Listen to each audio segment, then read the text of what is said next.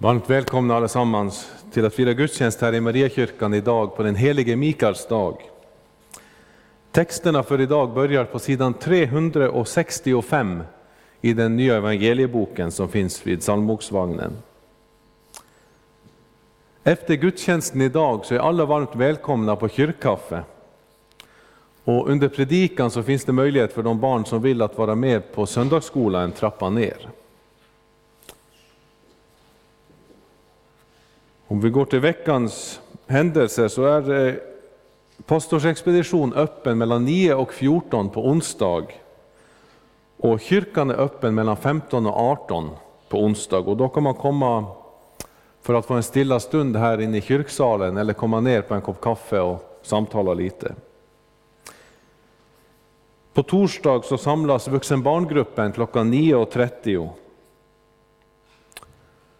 Och Nästa söndag, den 9 oktober, så firar vi Herrens heliga nattvard här på tacksägelsedagen och högmässan leds av Lennart Nilsson. Kollekten som togs upp till vår verksamhet sist söndag uppgick till 5 500 kronor som här tacksamt meddelas. Och även idag tar vi upp kollekt till samma viktiga ändamål. Låt oss nu tillsammans innan vår gudstjänst ber.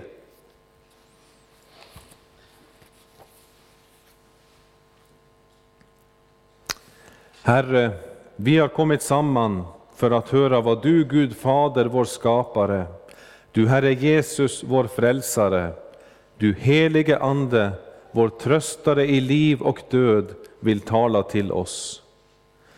Öppna nu genom din helige Ande våra hjärtan, så att vi av ditt ord lär oss att söka förlåtelse för våra synder, att tro på Jesus i liv och död och varje dag växa till i ett heligt liv. Hör oss, o Gud, för Jesu Kristi skull. Amen.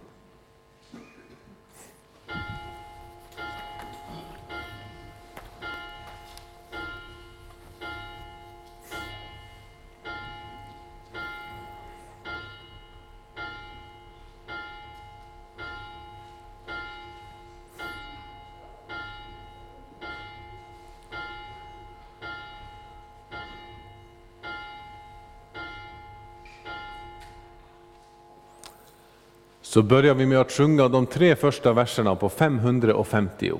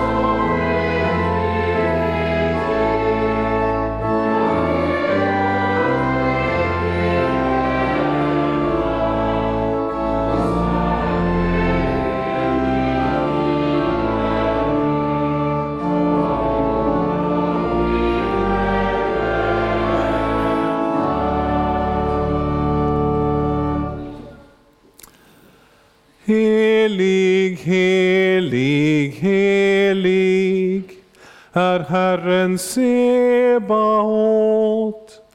Hela jorden är full av hans härlighet.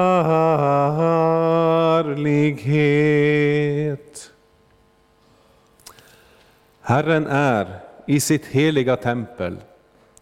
Hans tron är i himmelen, men han är också hos dem som är ödmjuka och ångerfulla. Han hör deras bekännelse och vänder sig till deras bön. Låt oss därför med frimodighet komma inför honom och bedja om förlåtelse.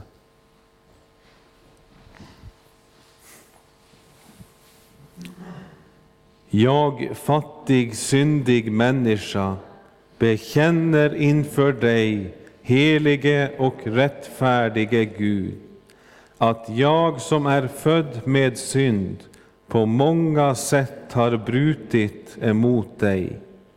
Jag har inte älskat dig över allting och inte min nästa som mig själv.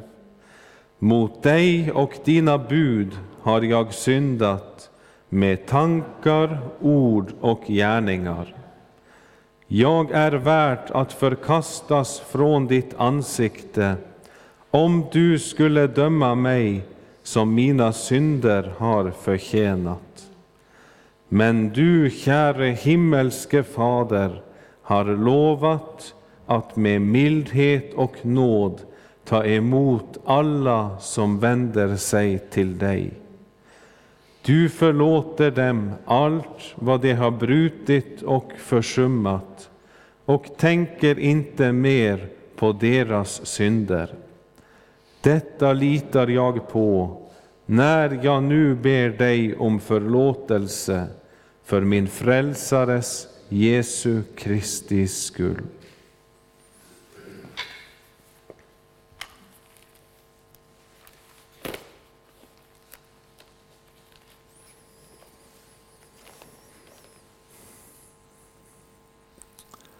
Begär du dina synders förlåtelse för Jesu Kristi skull, så är i kraft av Guds ord och löfte fast och visst att Gud av nåd förlåter dig alla synder. Och denna förlåtelse tillsäger jag dig på vår Herres Jesu Kristi befallning i Faderns och Sonens och den helige Andes namn. Amen. Käre Fader i himmelen, vi tackar dig för syndernas förlåtelse genom Jesus Kristus, vår Herre. Amen.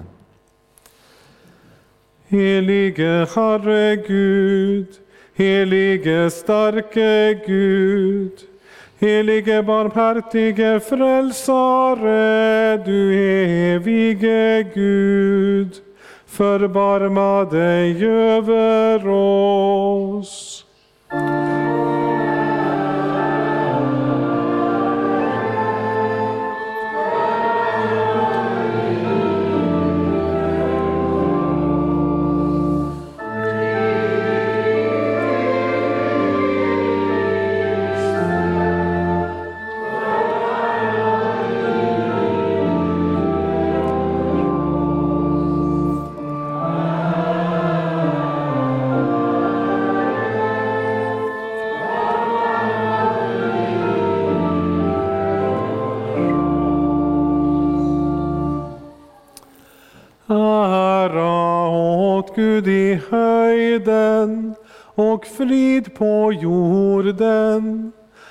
Bland människor som han älskar.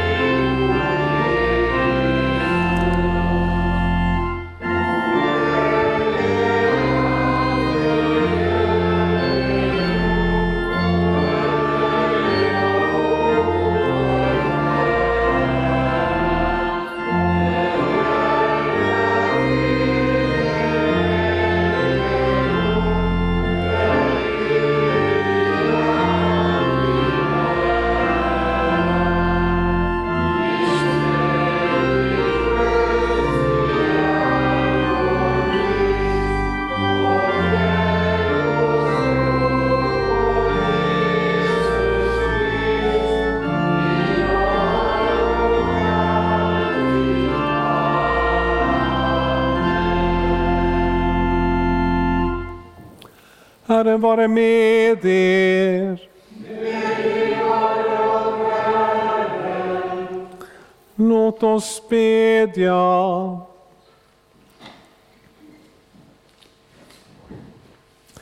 Herre vår Gud, du som i din outgrundliga vishet har sänt heliga änglar till dina vänners tjänst.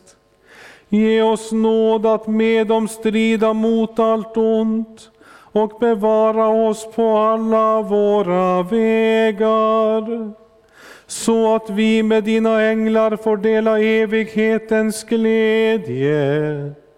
Genom din Son Jesus Kristus, vår Herre, som med dig och den helige Ande lever och regerar i en gudom från evighet till evighet.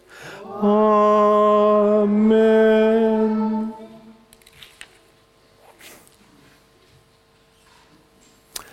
Hör Herrens ord på den helige Mikaels dag, den andra årgångens läsningar. Dagens gammaltestamentliga läsning är hämtad ifrån femte Mosebokens 33 kapitel från den 26 versen. Mose sa till Israel, ingen är som Jesurens Gud, han som far fram på himlen till din hjälp, på skyarna i sitt majestät.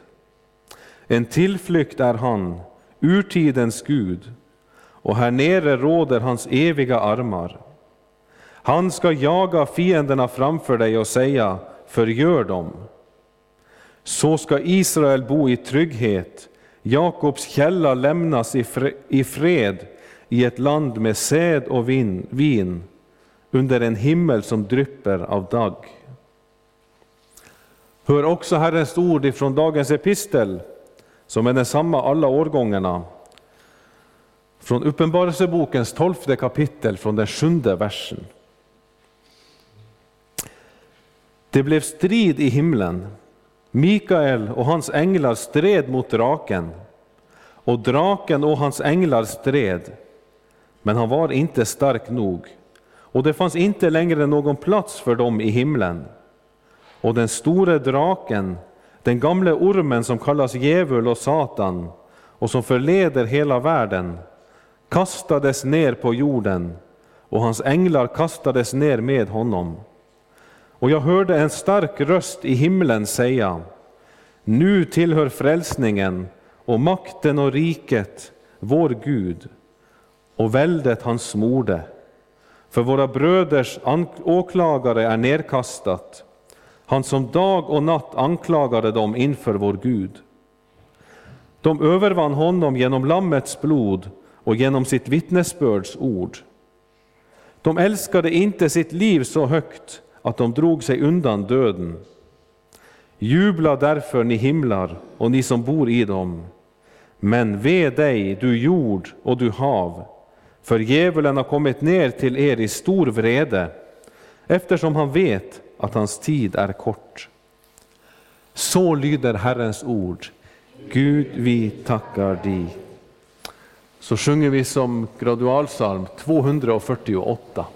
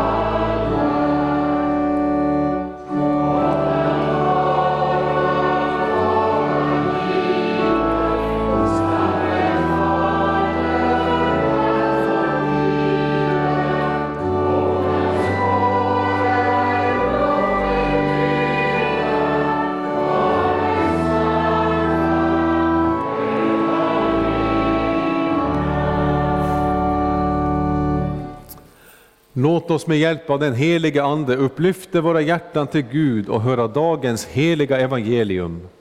Så skriver evangelisten Matteus i det artonde kapitlet från början. Lärjungarna kom fram till Jesus och frågade, vem är störst i himmelriket? Då kallade han till sig ett barn och ställde det mitt ibland dem och sa, jag säger er sanningen, om ni inte omvänder er och blir som barnen kommer ni inte in i himmelriket. Den som ödmjukar sig som det här barnet, han är den störste i himmelriket.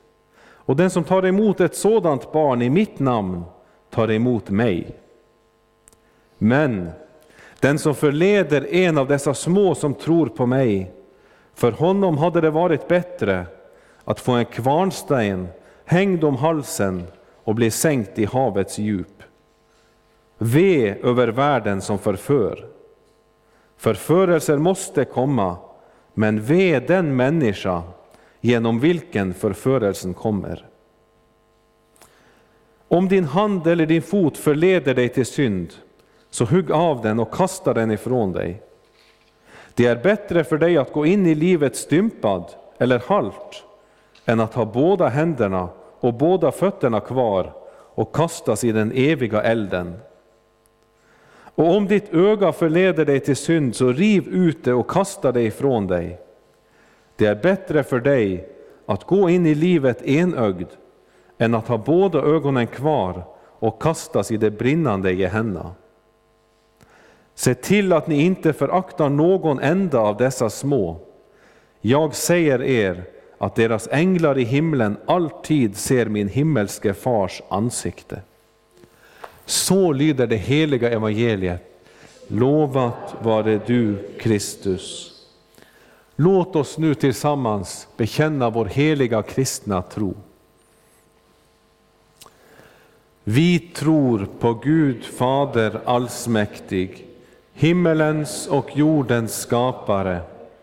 Vi tror och på Jesus Kristus, hans enfödde Son, vår Herre, vilken är avlat av den helige Ande, född av jungfrun Maria, pinad under Pontius Pilatus, korsfäst, död och begraven, nederstigen till dödsriket, på tredje dagen uppstånden igen ifrån de döda, uppstigen till himmelen, sittande på allsmäktig Gud Faders högra sida, därifrån igenkommande till att döma levande och döda. Vi tror och på den helige Ande, en helig allmännelig kyrka, det heligas samfund, syndernas förlåtelse, de dödas uppståndelse och ett evigt liv. Amen. Så sjunger vi innan predikan 78, de två första verserna.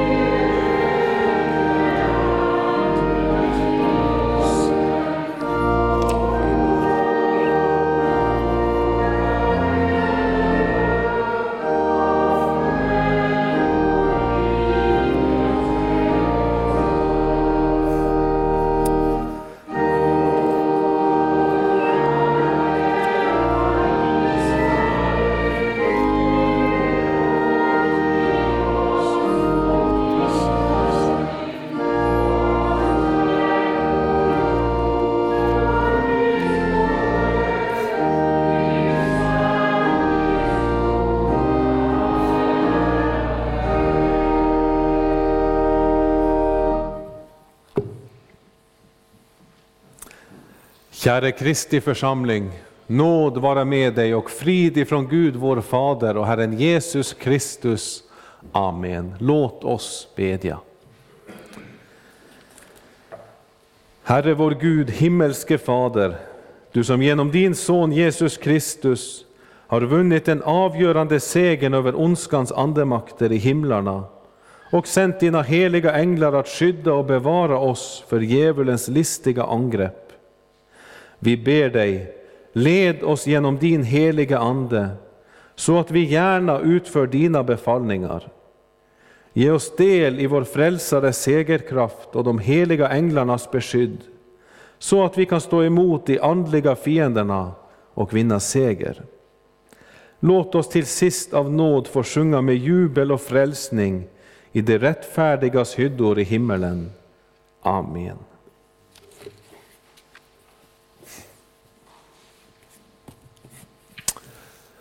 Idag, på den helige Mikaels dag, så undervisar Jesus om de största i himlarnas rike och om vilken omsorg Gud har för dem.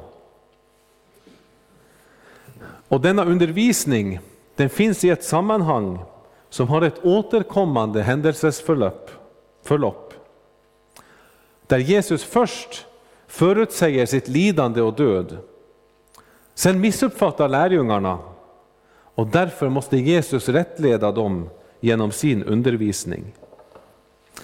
Detta skedde till exempel när Petrus motsade Jesus efter sin stora bekännelse och när Sebedeus sönerna ville sitta på vardera sida om Jesus i hans härlighet.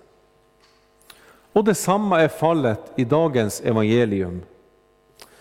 Jesus hade sagt till lärjungarna att Människosonen ska utlämnas i människors händer och de ska döda honom, men på den tredje dagen ska han uppstå. Och sen står det att då blev lärjungarna mycket bedrövade. För de ser på Jesu död som något fruktansvärt och de förstår inte det stora att det är för vår allas skull som Jesus behövde genomgå allt detta. Så att vi som tror på honom ska få slippa. Men sen vandrar de till Kapernaum. Och om vi läser parallelltexterna så förstår vi att de på vägen hade börjat diskutera vem av dem som var störst. Och Jesus visste hur de tänkte. Och därför kommer dagens text som en vägledning i deras missförstånd. Och dagens predikan ska handla om denna Jesu undervisning i tre delar. Först ska vi höra vad det innebär att vara störst i himmelriket. Och för det andra vad det innebär att de som tar emot sådana samtidigt tar emot Jesus.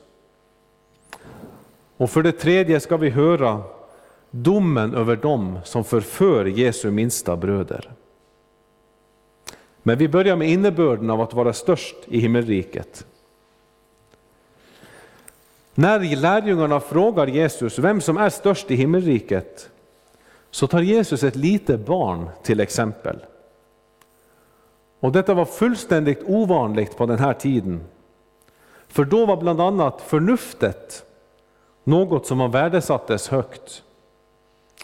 Och man såg på barn som i viss mån oförnuftiga och därför var de inget exempel till efterföljd.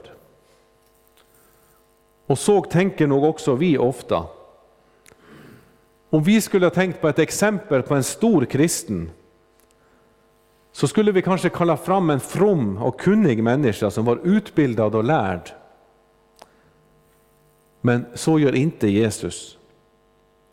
Han tar ingen av lärjungarna eller andra som i människors ögon är stora som exempel, utan Jesus ställer detta lilla barn mitt ibland dem.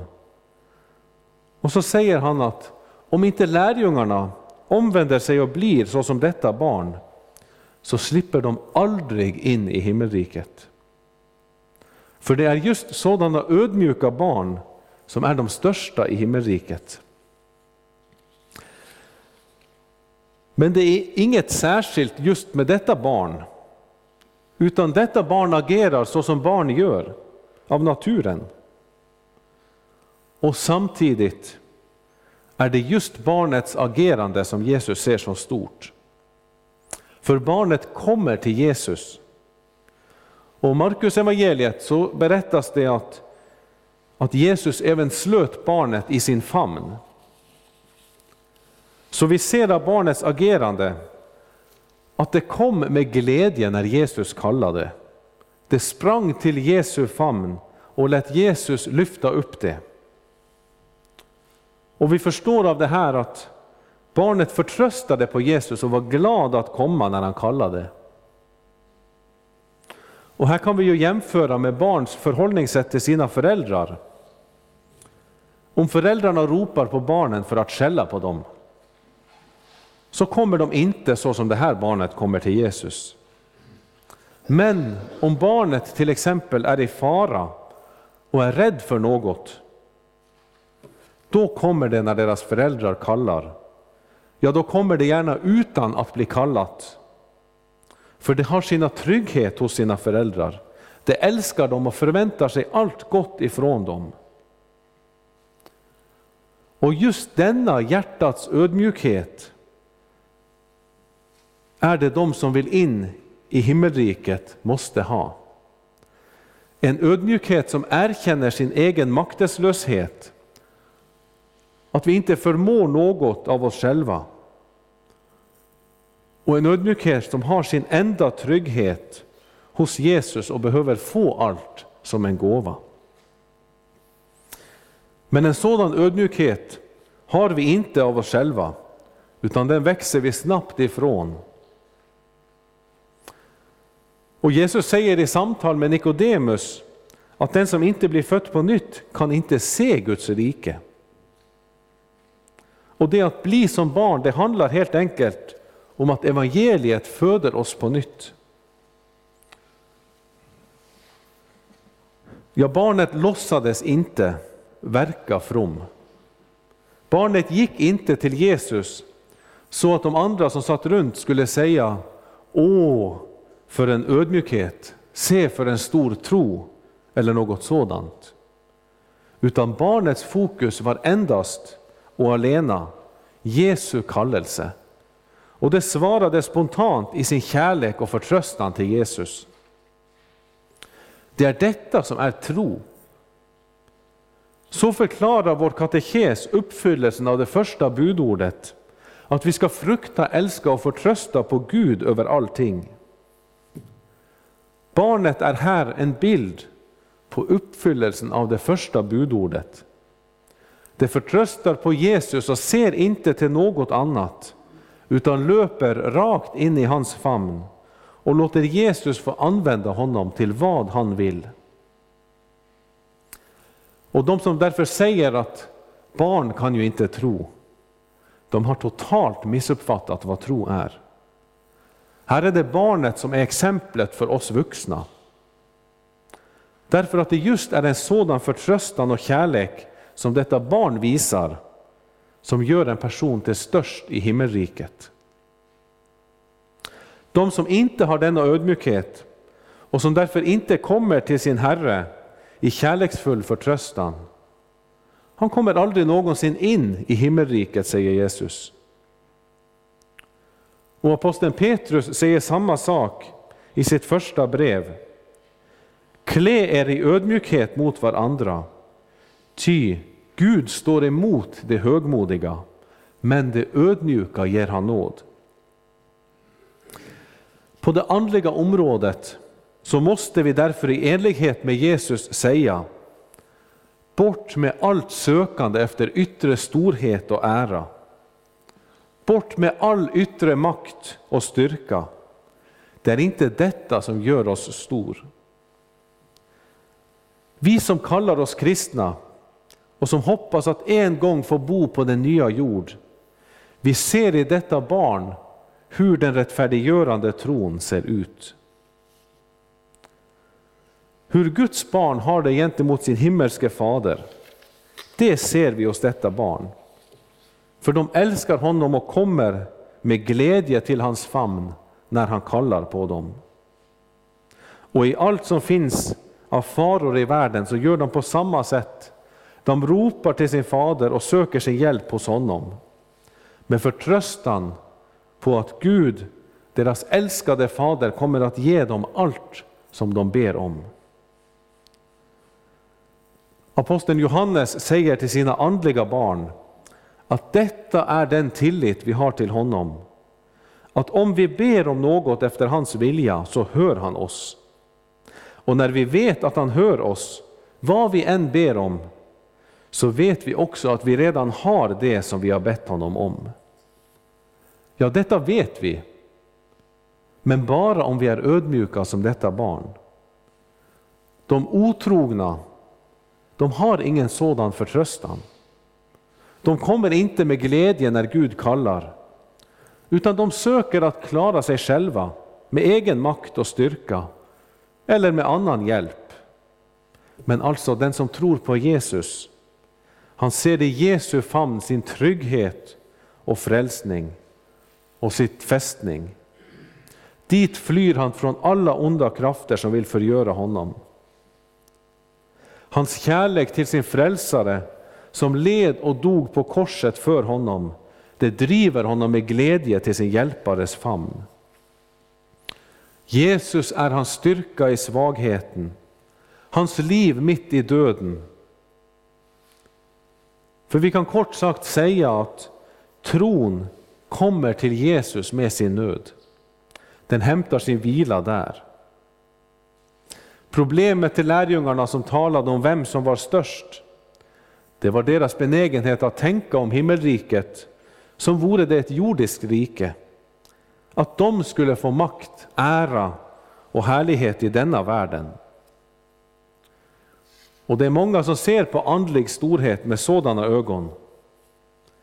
Men utifrån Bibeln så lär vi tvärtom att det som en kristen kan förvänta sig här i världen, det är hat och förlöjligande, motgång och förföljelser.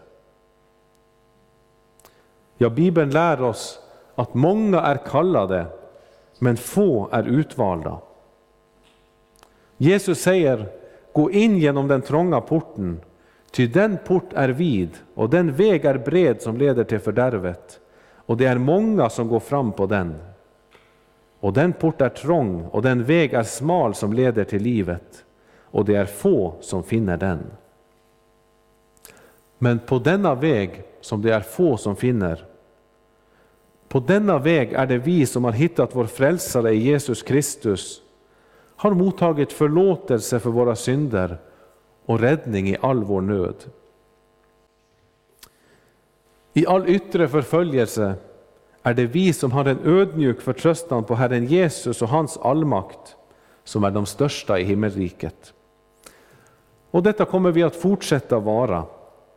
För det finns aldrig en tid i lärjungaskapet där vi slutar att vara barn som är beroende av allt. Det är just därför Gud själv behöver skydda sina barn. Och till detta använder han bland annat kristna människor.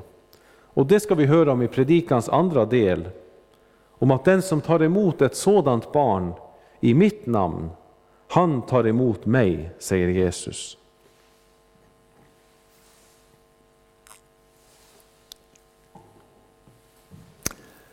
Jesus identifierar sig så totalt med de som tror på honom att om någon tar emot oss som är kristna i Jesu namn så tar han samtidigt emot Jesus själv.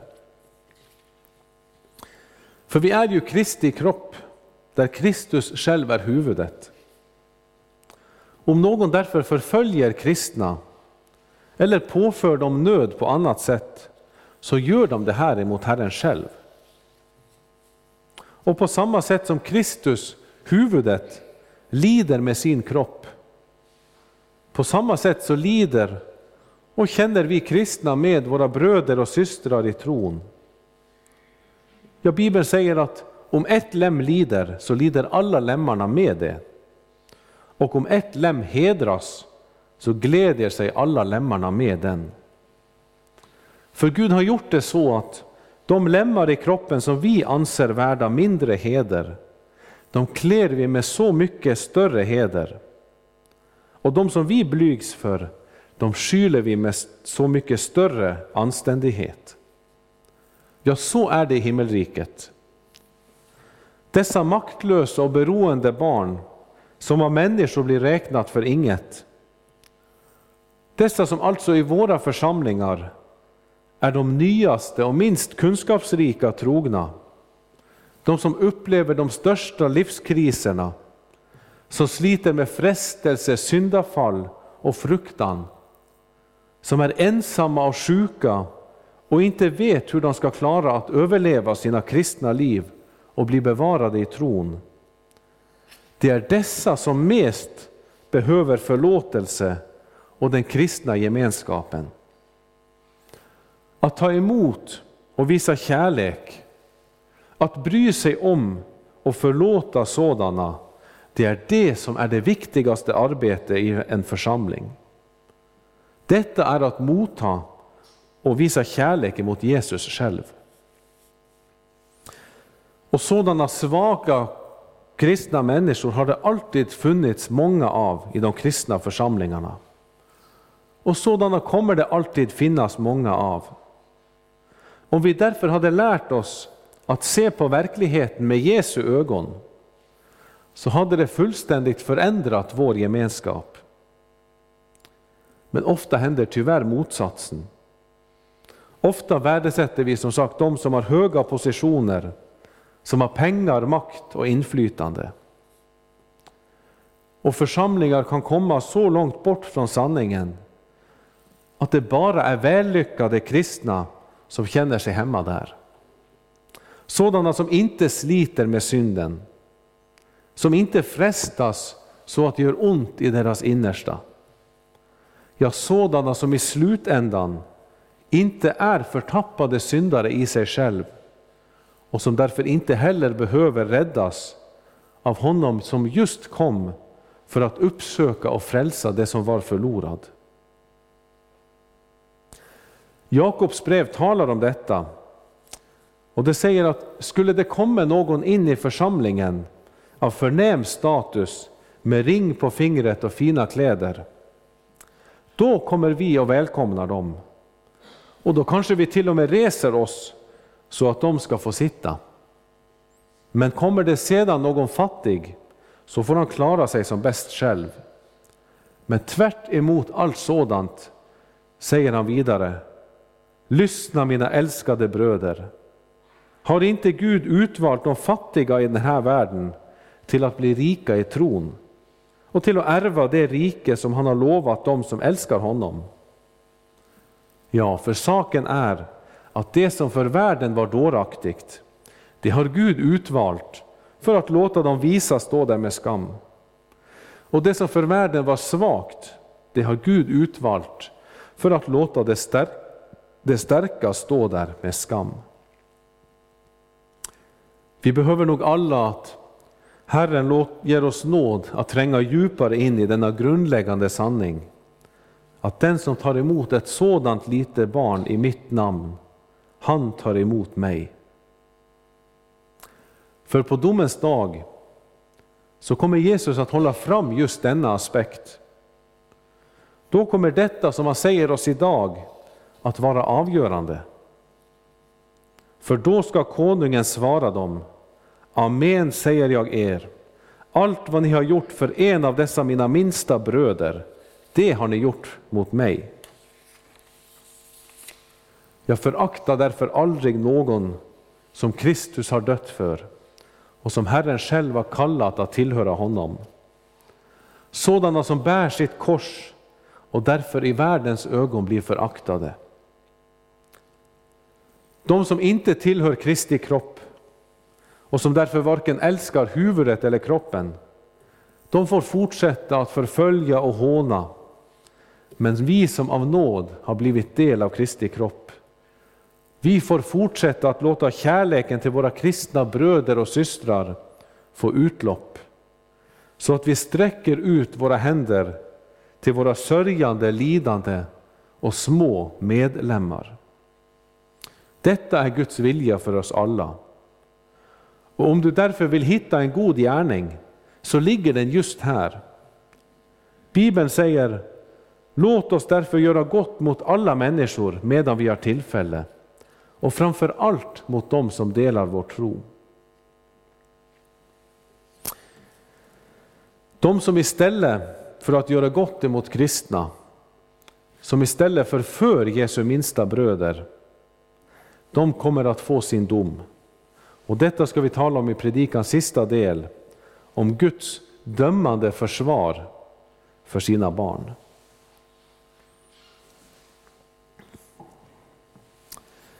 Jesus ropar ve över världen som förför. Och ve-ropet, det är här en varning och hot över alla som förför Guds barn och leder det på fall. Detta är det värsta någon kan göra. Och det kallar oss till ransakning. För vi som har barn, eller vi som är lärare och pastorer, eller som på annat sätt har fått inflytande, vi har ansvarsfulla kall. Och vi bär samtidigt med oss synden i vårt kött. Tänk därför om något enda Guds barn skulle föras bort på grund av vårt agerande. Då vore det bättre, säger Jesus, om en kvarnstäng, kvarnsten hade hängts om vår hals och vi hade dränkts i det djupa hav. Denna fruktansvärda dom, säger Jesus, är att föredra framför den dom som väntar sådana på den yttersta dagen. I jämförelse med den sista domen så vore det bättre att hugga av de av våra lemmar som förleder oss till synd. Att riva ut öga om det för oss på fall. Ja, i jämförelse med helvetets eviga eld så är allt annat att föredra. Och människor har förlöjligat denna text och sagt att man hade inte haft några lemmar kvar om man skulle följa Jesu uppmaning här. Men då erkänner man ju faktiskt att man använder alla sina lemmar till att löpa ut i synden med. Men samtidigt så missar man den grymma verklighet som väntar alla som handlar emot Jesu ord här. För Jesu poäng är att ett utrivet öga, avstympade händer och fötter, det kan inte ens jämföras med den eviga pinan som väntar sådana våldsmän. Jesus visar därför med sitt verop hur Gud står som sina barns försvarare. På samma sätt som rättsväsendet i Sverige med dess lagar och straff, på samma sätt som det är till skydd för oss alla, så är Jesu verop och hot om straff till skydd för hans minsta bröder. De som förför och förföljer oss kristna kallas därför här till att tänka om och omvända sig. För den enda orsaken till att vi som genom dopet och tron har fått nåd att kalla oss Jesu minsta bröder. Den enda orsaken till att vi inte kommer att kastas i denna eld, det är därför att Gud lät sin enfödde son själv gå in i denna otänkbara straff.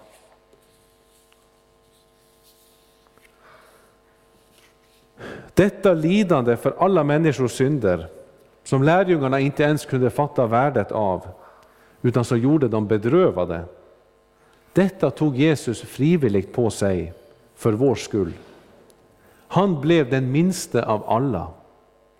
Han förlitade sig så ödmjukt på Fadern och följde hans vilja med ett barns förtröstan och kärlek. Även om det kostade honom det största priset så gjorde han det med glädje. Ja, Jesus har gjort det som ett utrivet öga och avstympade händer och fötter inte ens kan jämföras med. Och det har han gjort därför att han älskade oss. Ty så älskade Gud världen att han utgav sin enfödde son för att den som tror på honom inte ska gå förlorad utan ha evigt liv. Ja, Jesus älskade inte bara oss kristna, utan hela världen med den samma kärlek. Ty han är försoningen för våra synder, och inte bara för våra, utan också för hela världens. Det är med denna stora kärlek som Jesus alltså älskar människor och räddar sina troende från domen. Och det är med lika stor vrede som han kommer döma alla som för Jesu trogna små på fall. Och det får vara både till tröst för oss, men också till en varning. Domen över alla förförare kommer tillbaka på dem själva på den yttersta dagen. Om vi till sist tänker på offren för sådana förförare och våldsmän, sådant som vi lider med, så påminns vi idag om att Herrens egen kärlek emot dem är större än vår. Och om vår kärlek till dem därför driver oss att be för våra nära och kära och lida med dem, så gör vår Herre Jesus det mycket mera. Och försöker vi vinna över dem till Gud, så gör Jesus det än mera. Du som därför vet med dig själv att du intet har i din egen kraft som du kan sätta emot ondskan och förförelsen och som därför barnet flyr till Jesu famn. Du ska veta att där får du vara trygg. Den allsmäktige Gud är den som sörjer för dig. Och till det ändamål använder han, som vi har hört idag, inte bara straff och dom, utan även dina kristna bröder och systrar. Och Jesus avslutar även dagens evangelium med att säga att deras änglar alltid ser Jesu himmelske faders ansikte. Vår Gud, vår Gud och Fader i himlen följer alltså alltid med och sörjer för sina barn i Kristus. Så viktig, viktiga är vi för vår himmelska Fader. Och till honom som förlåter oss våra synder genom tron och som sörjer för att bevara oss hela vägen hem till den eviga glädjen. Till honom får vi säga, lovad vare Gud och välsignad i evighet, som med sitt ord tröstar, lär, förmanar och varnar oss. Helige Ande, skriv ordet i våra hjärtan, så att vi inte blir glömska hörare, utan varje dag växer till i tro, hopp, kärlek och tålamod intill tidens slut och blir saliga. Genom Jesus Kristus, vår Herre. Amen.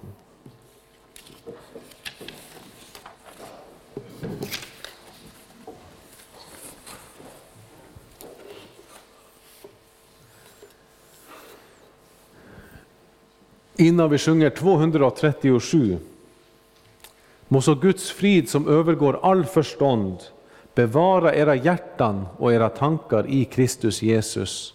Amen.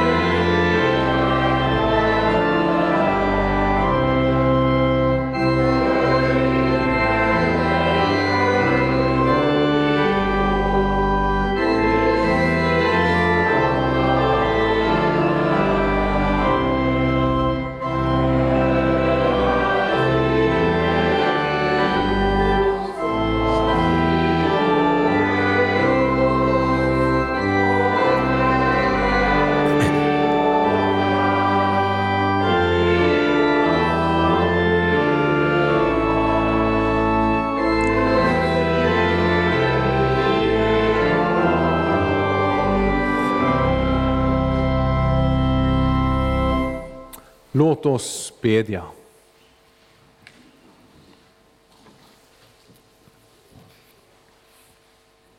Herre vår Gud, vi ber dig, styrk och led din kyrka och samla ditt folk kring ordet och sakramenten. Låt ditt evangelium nå ut i hela världen och väcka levande tro. Ge dina vittnen kraft när de får lida för din skull. Skydda vårt land och ge vishet åt dem som har fått förtroende och ansvar i vårt samhälle. Ge dem att fatta rätta och visa beslut till ära för ditt namn och till gagn för folket. Vi ber också för vår andliga överhet, för biskop Bengt, för vår stiftsprost David, för vår provinssekreterare Jakob, alla prästerna i missionsprovinsen och alla som du har kallat att gå ut med ditt ord. Skydda och bevara oss alla. Välsigna vårt arbete, ge världen fred och låt det onda hindras och din vilja ske. Ge oss dagligt bröd och stärk vår vilja att dela med oss åt dem som lider nöd. Låt våra hem präglas av sammanhållning, trygghet och kristen tro. Och gör, gör vår församling till ett hem dit människor kommer för att höra ditt heliga ord, bedja om din hjälp och tacka för din godhet och kärlek. Kom Herre till alla sjuka, sörjande och ensamma.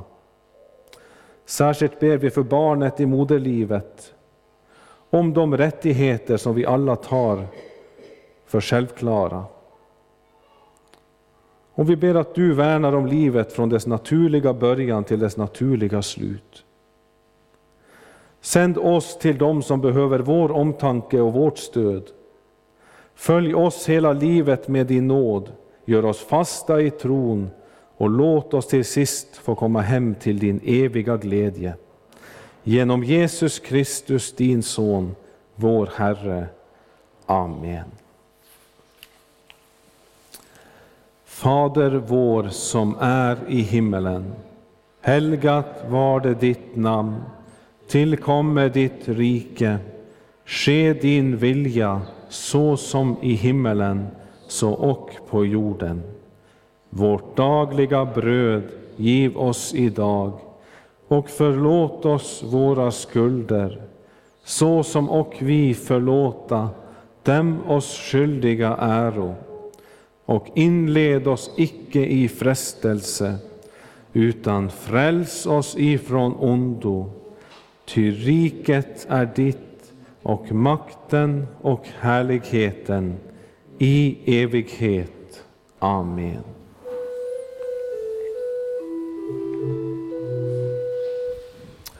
Låt oss tacka och lova Herren.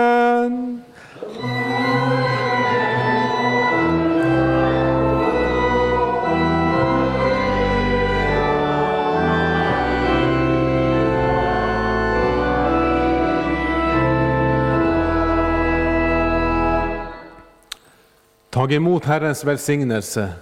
Herren välsigne er och bevare er. Herren låte sitt ansikte lysa över er och vare er nådig. Herren vände sitt ansikte till er och give er frid.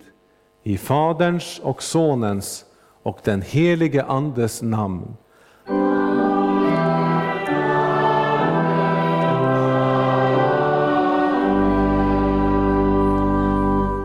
Så sjunger vi sista versen på 329.